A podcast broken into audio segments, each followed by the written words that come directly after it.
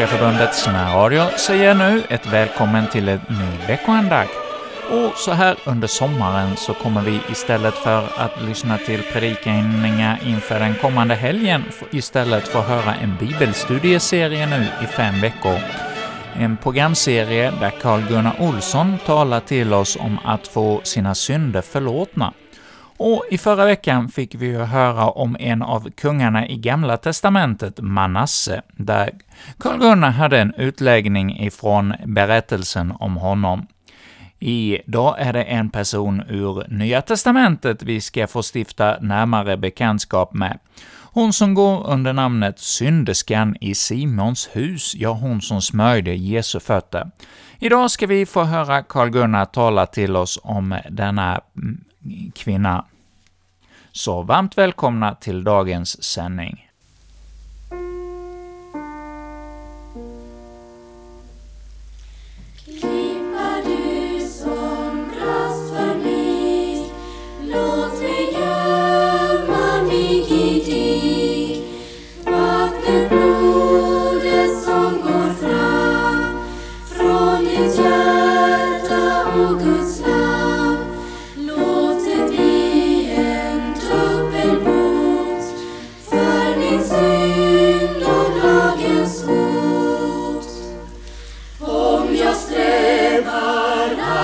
så räcker ej min kraft ändå till att lyda helt din lag.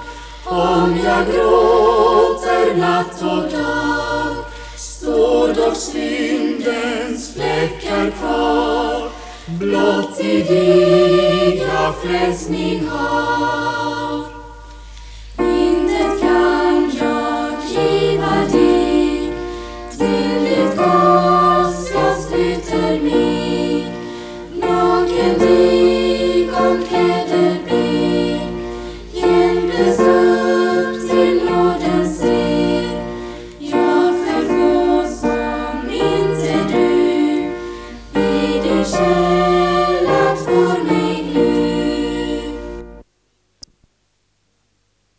I Guds, Faderns och Sonens och den helige Andes namn.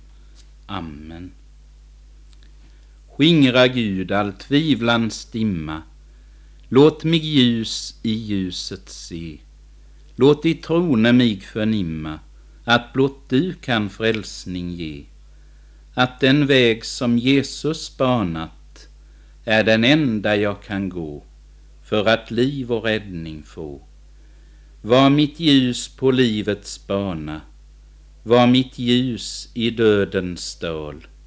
Låt mig fri från syndens vana, lagens hot och ångens kval. Mer och mer det landet nalkas, där allt mörker skingrat är, ty du själv är solen där. Amen. Kom, låt oss gå till rätta med varandra, säger Herren. Om era synder än är blodröda, så kan de bli snövita. Och om de än är röda som scharlakan, så kan de bli så som vit ull. Det ordet står ju i Jesajas första kapitel och den artonde versen. Vi vet säkert att en människa kan komma i en sån själanöd att hon kan hålla på att alldeles förtvivla. I sina egna ögon är en sån människa alldeles förtappad och förlorad. Allt hopp verkar vara ute. Hon har nått botten kan vi säga. Men nu vet vi ju det att djupare ner än till botten kan ju ingen komma. Och sämre än en alldeles förtappad och förlorad, det kan ju ingen bli. Och då tänker vi på de här orden vi inleder med. Och sen är det ett ord som står i Lukas 19 kapitel 10 vers. Som jag också vill ta fram. Som är outsägligt viktigt i det här sammanhanget. Och det är Människosonen har kommit för att uppsöka och frälsa det som var förlorat. Ikväll ska vi ta ett exempel just på hur eh, en eh, människa kommer till verklig tro och får alla sina synder förlåtna, utstrukna. Och eh, vi tar då fram exemplet som står i Lukas sjunde kapitel från vers 36 där till och med 50. Och det är synderskan i Simons hus. Det var på en av sina många vandringar som Jesus kom till en stad. Det var troligen Nain. I början på kapitel 7 där eh, läser vi ju om just hur Jesus kommer in i den stan och innan han kommer in i staden så gör han ett stort under. Det var nämligen den där döde mannen, en ung man som låg på bår. Han bars till graven. Det var honom som Jesus uppväckte från de döda. Och folket betog sig av en häpnad utan like.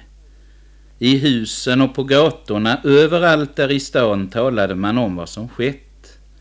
Jesus från Nasaret, det namnet var på allas läppar.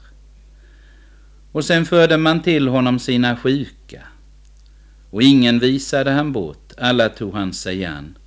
Vi kan också vara övertygade att han predikade där i staden och att stora skaror, både från själva staden och från trakterna däromkring, samlades för att lyssna till hans ord. Och det var ord som man förstod. Det var ord som var så fyllda av ande, liv och kraft. Och så gick ordet direkt på, till hjärtat på människorna.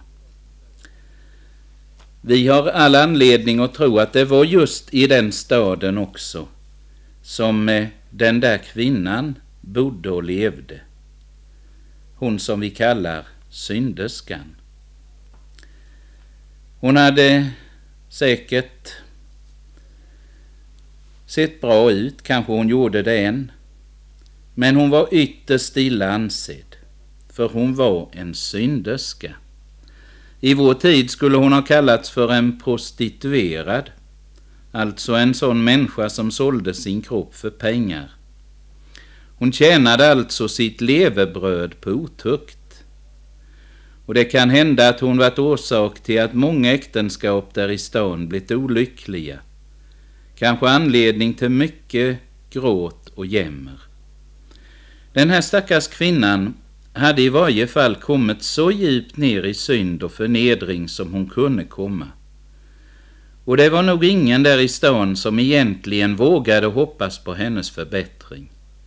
Jag tror att hon klassades som ett hopplöst fall. Men pris ske Gud, för honom finns inga hopplösa fall. Han är den gode heden, och vi har ju exempel på i Lukas evangelium, det femtonde kapitlet, hur han där framställes som den som går efter det förlorade fåret och söker till dess han finner det. Han kallar, han bjuder, han ber och nödgar syndare att vända om. För han vill ju, som vi läser i ett ord som vi många gånger citerat, han vill ju att alla människor ska bli frälsta och komma till sanningens kunskap. Och jag tror att vi kan vara övertygade om att han också ropade in i synderskans samvete. Var är du? Var är du? Var är du på väg? Hur ska slutet bli för dig? Det är möjligt att hon sökt göra sig ännu hårdare och ännu mer okänslig, att hon gått ännu längre i fräckhet. Och nu kan man ju fråga sig, var då allt hopp ute för henne?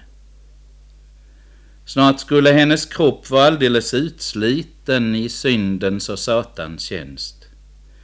Snart skulle hon också bäras ut som ett lik genom stadsporten, sörjd och saknad av ingen men kanske utdömd och förbannad av många.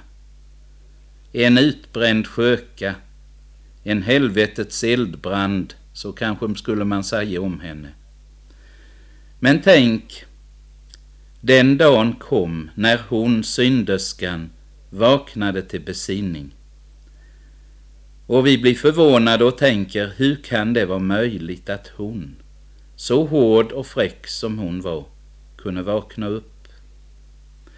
Kanske var det det där undret vid Nains stadsport, när den unge mannen blev uppväckt från de döda. Kanske det var det som blev en tankeställare för henne.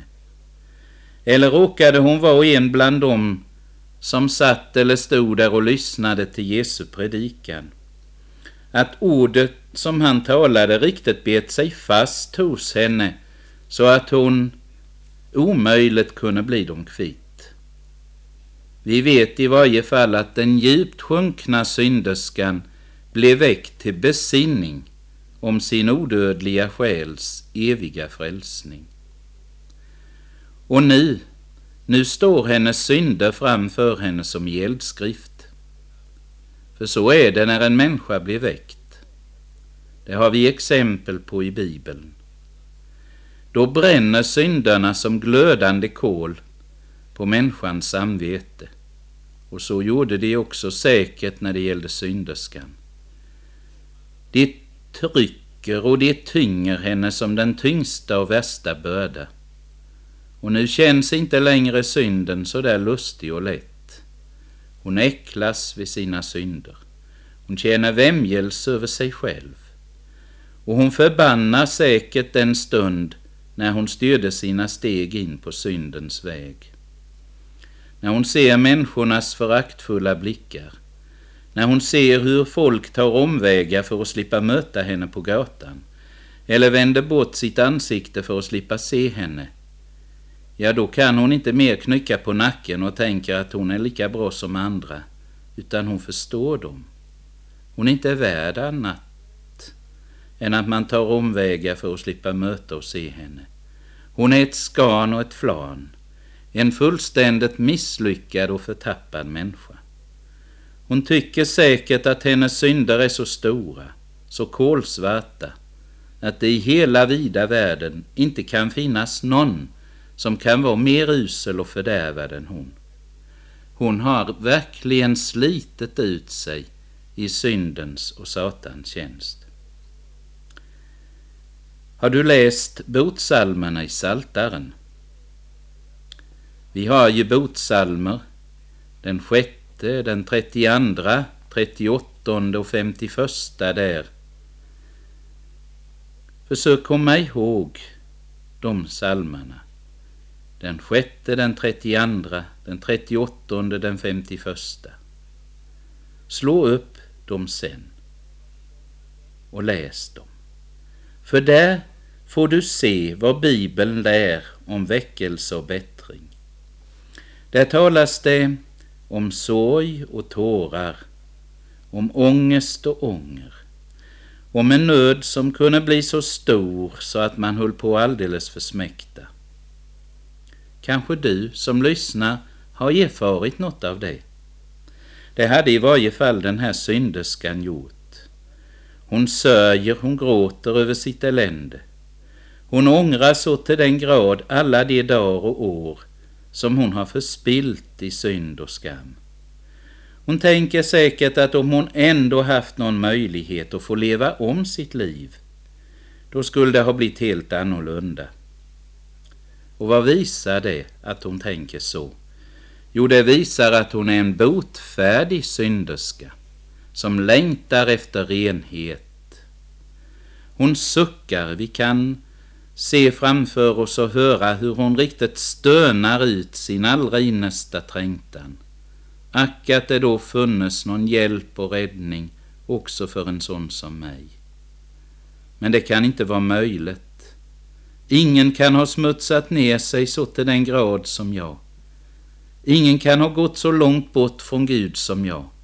Ingen kan ha sjunkit så djupt i dyn som jag. Ser du då denna synderska? I så fall ser du också hur det går till när en människa vaknar upp ur syndens sömn. Förut var synden hennes hantverk nu har den för henne blivit som den mest outhärdliga tandverk. Om hon hade haft pengar och varit rik, då skulle hon säkert kunnat gett ut allt in till det allra sista öret, bara hon hade kunnat bli befriad från sina synder och blivit ett Guds barn. Ja, hon vill, men vad kan hon? Nu tänker vi på vad som står i Romarbrevets sjunde kapitel. Det goda som hon vill gör hon inte, och det onda som hon inte vill, det gör hon. Hur ska hon kunna stå emot det onda? Hur ska hon kunna stå emot de här gamla lustarna när de med en sån våldsam kraft kastar sig emot henne?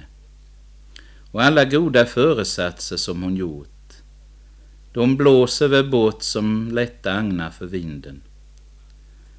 Jag tänker åter på ett ord i sjunde kapitlet i Romarbrevet. Ja, arma människa, vem ska frälsa mig från denna dödens kropp? Jag är värdelös. Jag är sämre än den smutsigaste smutstrasa. Jag är övergiven av Gud och människor. Mina vänner, omvända människor har kunnat skriva och tala om hur deras syndanöd har varit så svår att det kanske känts som om de hade varit riktigt halvvägs ner i det fruktansvärda helvetet. Det är möjligt att den här synderskan som vi läser om i Lukas 7 kände det så. Men vi kan säga, kära synderska, du tar fel. Du har inte i helvetet att göra. En smutstrasa i dina egna och i andra människors ögon. Men kom ihåg att i Guds ögon är din själ mer värd än alla jordens skatter. Hur det nu gick så blir detta klart för synderskan. Med stor sannolikhet så kom hon att lyssna till Jesu inbjudan till syndare. Kanske Jesus just den gången också ropade ut sitt kom till mig. Och då glimmade det till för henne. Då var det liksom en stråle av hopp som tändes i hennes mörka förpinade själ. Och då tänkte hon kanske, kanske finns det trots allt hopp också för en sån som mig. Ja, pris ske Gud. Det finns hopp. För barmhärtig och nådig är Herren, långmodig och av stor mildhet. Och i så fall tog kvinnan Jesus på orden. Hon tog sin tillflykt till honom, denne förunderlige person som fariseerna kallade för en publikaners och syndares vän. Och vänner, vilken kärlek hon mötte hos honom. Han vände inte bort sitt ansikte från henne. Han stängde inte igen dörren för henne, utan han tog sig an henne så ömt, så kärleksfullt trots att hon var ett så eländigt stycke, både i egen och andras åsyn. Hon fick all sin synd och skam förlåten. Och hon fick underbara krafter till att stå Satan emot när han besköt henne med otuktiga tankar, lustar och begär. O, vad hon kände sig tacksam mot Jesus hur hennes hjärta liksom började brinna av kärlek till honom. Och hon längtade efter att kunna få något tillfälle till att visa Jesus sin tacksamhet och kärlek för allt vad han gjort henne. Synderskans omvändelse. Om något så bör väl det kallas för ett under. Kallas för ett nådens mästerverk. För här ser vi verkligen ett exempel på de här Jesajas-orden. Om era synder är blodröda så kan de bli snövita. Och om de än är som scharlakan så kan de bli som vit ull. Synderskan antas vara Maria Magdalena, men det är väl inte bevisat. Men med den saken bör alltså vara hur som helst ändå. Ett är säkert, och det är i alla fall att hennes namn blev inskrivet i Livets bok i himmelen. Och det är det viktigaste av allt. Och hon har blivit inskriven i vår bibel som ett härligt vittnesbörd om att till och med den som har fallit som allra djupast ner kan bli upprättad och salig. Hon står som ett exempel på just detta att det yttersta kan bli det främsta. Och den dag kom när kvinnan ansåg sig ha ett tillfälle att visa Jesus sin tacksamhet. Det var den där gången när Jesus var inbjuden till en måltid hos en farisé som hette Simon. Sen skulle väl Jesus och hans lärjungar gå vidare genom landet. Kanske det var sista gången hon såg honom, tänkte hon. Hon köpte en alabasterflaska med smörjelse. Den tog hon med sig och styrde kosan till Simons hus. Hon gick in i rummet där gästerna var samlade kring bordet. Hon ställde sig bakom Jesus. Och tacksamhetens och kärlekens tårar flödade ner för hennes kinder. De droppade ner på Jesu fötter. Du ser hur det målas för oss här i sjunde kapitlet hos Lukas. Hur hon böjde sig ner och torkade tårarna med sitt hår, torkade hans fötter med sitt hår. Hur hon kysste dem. Hon bröt flaskan och lät smörjelsen flöda. Simon knotade och klagade naturligtvis. Men eh, Jesus han visade på kvinnan. Inför alla där i huset talade han om att alla hennes synder var förlåtna. Att det nu inte längre var det där lättfrädiga stycket som brukade stryka omkring på gatorna som de såg, utan en kvinna som hade blivit frälst, en kvinna som hade blivit omvänd från mörker till ljus, från Satans makt till Gud. En ny människa var hon, lovad vara Herren. Och så fick hon också nu en underbar förvissning i sitt hjärta att allt verkligen var förlåtet. Att hon var ett Guds barn, att hon fick vara salig för Jesus skull. Den här botfärdiga synderskan, ja, hon har nog inte så många likar i vår tid. Syndare och synderskor finns det väl, men botfärdiga sådana, det är en sällsynthet. Hos de allra flesta sker varken någon väckelse eller någon sann omvändelse. Om så inte mer än en enda människosjäl vänder om, så är ju egentligen detta något som är så stort så det väcker glädje och jubel i himmelen bland Guds änglar. Det ser du om du slår upp Lukas 15 kapitel. Och ju större och flera synder som Jesus får förlåta, desto större ära får han. Nu frågar jag, har Gud fått väcka dig till besinning? I så fall är det inte främmande för vad du har fått höra nu. Då frågar också du om det kan finnas någon utsikt till frälsning för dig. Så länge du sov i synden tänkte du att det säkert skulle gå bra till sist, för du var ju inte värre än andra. Och Gud är ju kärleken. Men när du riktigt får se din synd, ja, då ser du att du är i släkt både med synderskan och med rövaren. Fast eh, jag skulle ju tro att du tycker att det är värre med dig. För synderskan, tänker du, hon var ju så ångerfull och botfärdig så hon grät. Och rövaren, honom minns du ju som så där djupt förkrossad. Men du säger att du varken ångrar eller sörjer så som du skulle. Du tycker inte du gör det. Allt det som skulle finnas hos dig, och allt det du tycker tillhör bättringen, det hittar du inte hos dig. Och kanske du just nu sitter där och önskar att du kunde känna dig riktigt ångerfull, riktigt botfärdig. Du kanske sitter där och tänker, ack om jag riktigt kunde gråta ut inför Herren. Men min käre vän, även om du kunde gråta, gråta som de gamla sa, blodstårar, och om du sörjde så till den grad att du sörjde dig till vansinne eller sörjde ihjäl dig, så skulle du ändå inte därför kunna få dina synder förlåtna och komma till himmelen. Om den här synderskan som vi har talat om nu hade gråtit natt och dag så hade hon ändå inte kunnat bli frälst. Hon hade inte kunnat gråtit bort sina synder.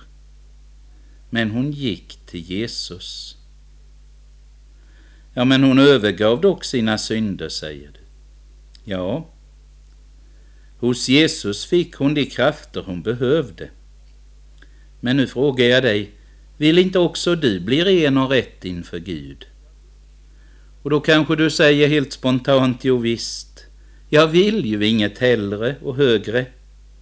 Och då frågar jag, vad väntar du då på?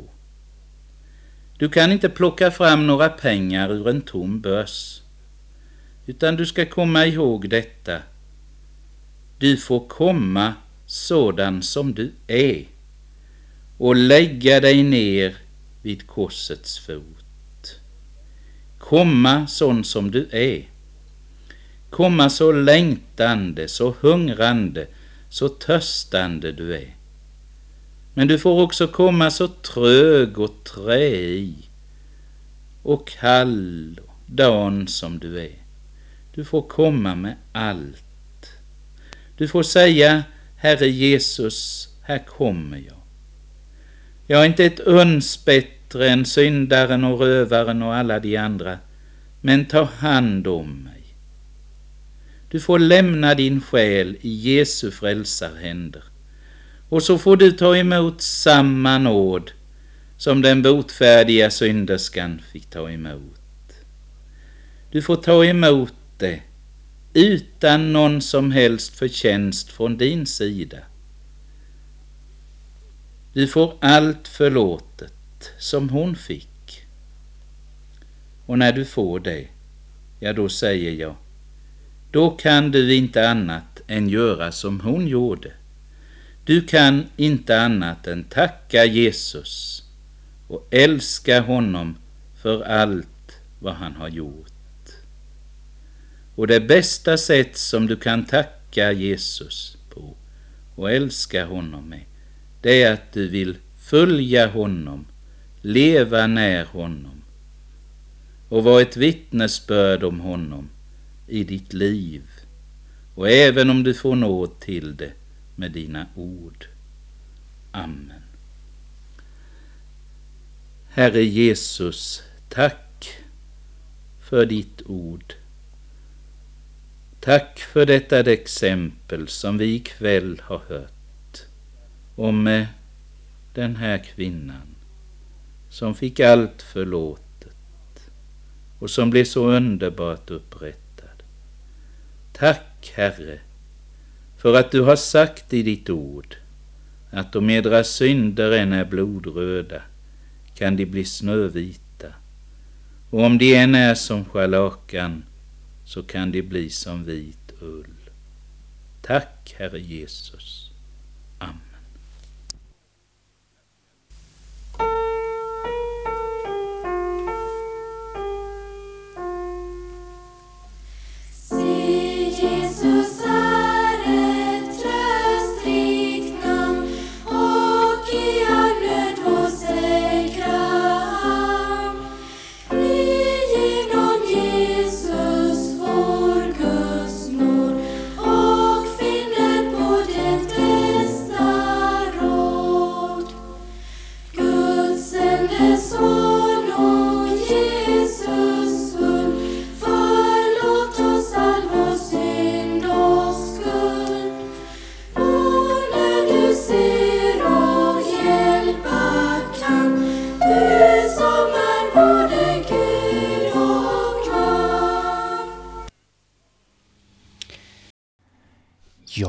Här Kycklingeförbundets veckoandakt så har vi en pågående serie FM-program om att få sina synder förlåtna. Det är Carl-Gunnar Olsson som, som talar till oss, och idag var det det andra programmet av fem, där vi får höra Carl-Gunnar tala om olika människor som såg sina synder förlåtna. Och med detta säger vi tack för idag.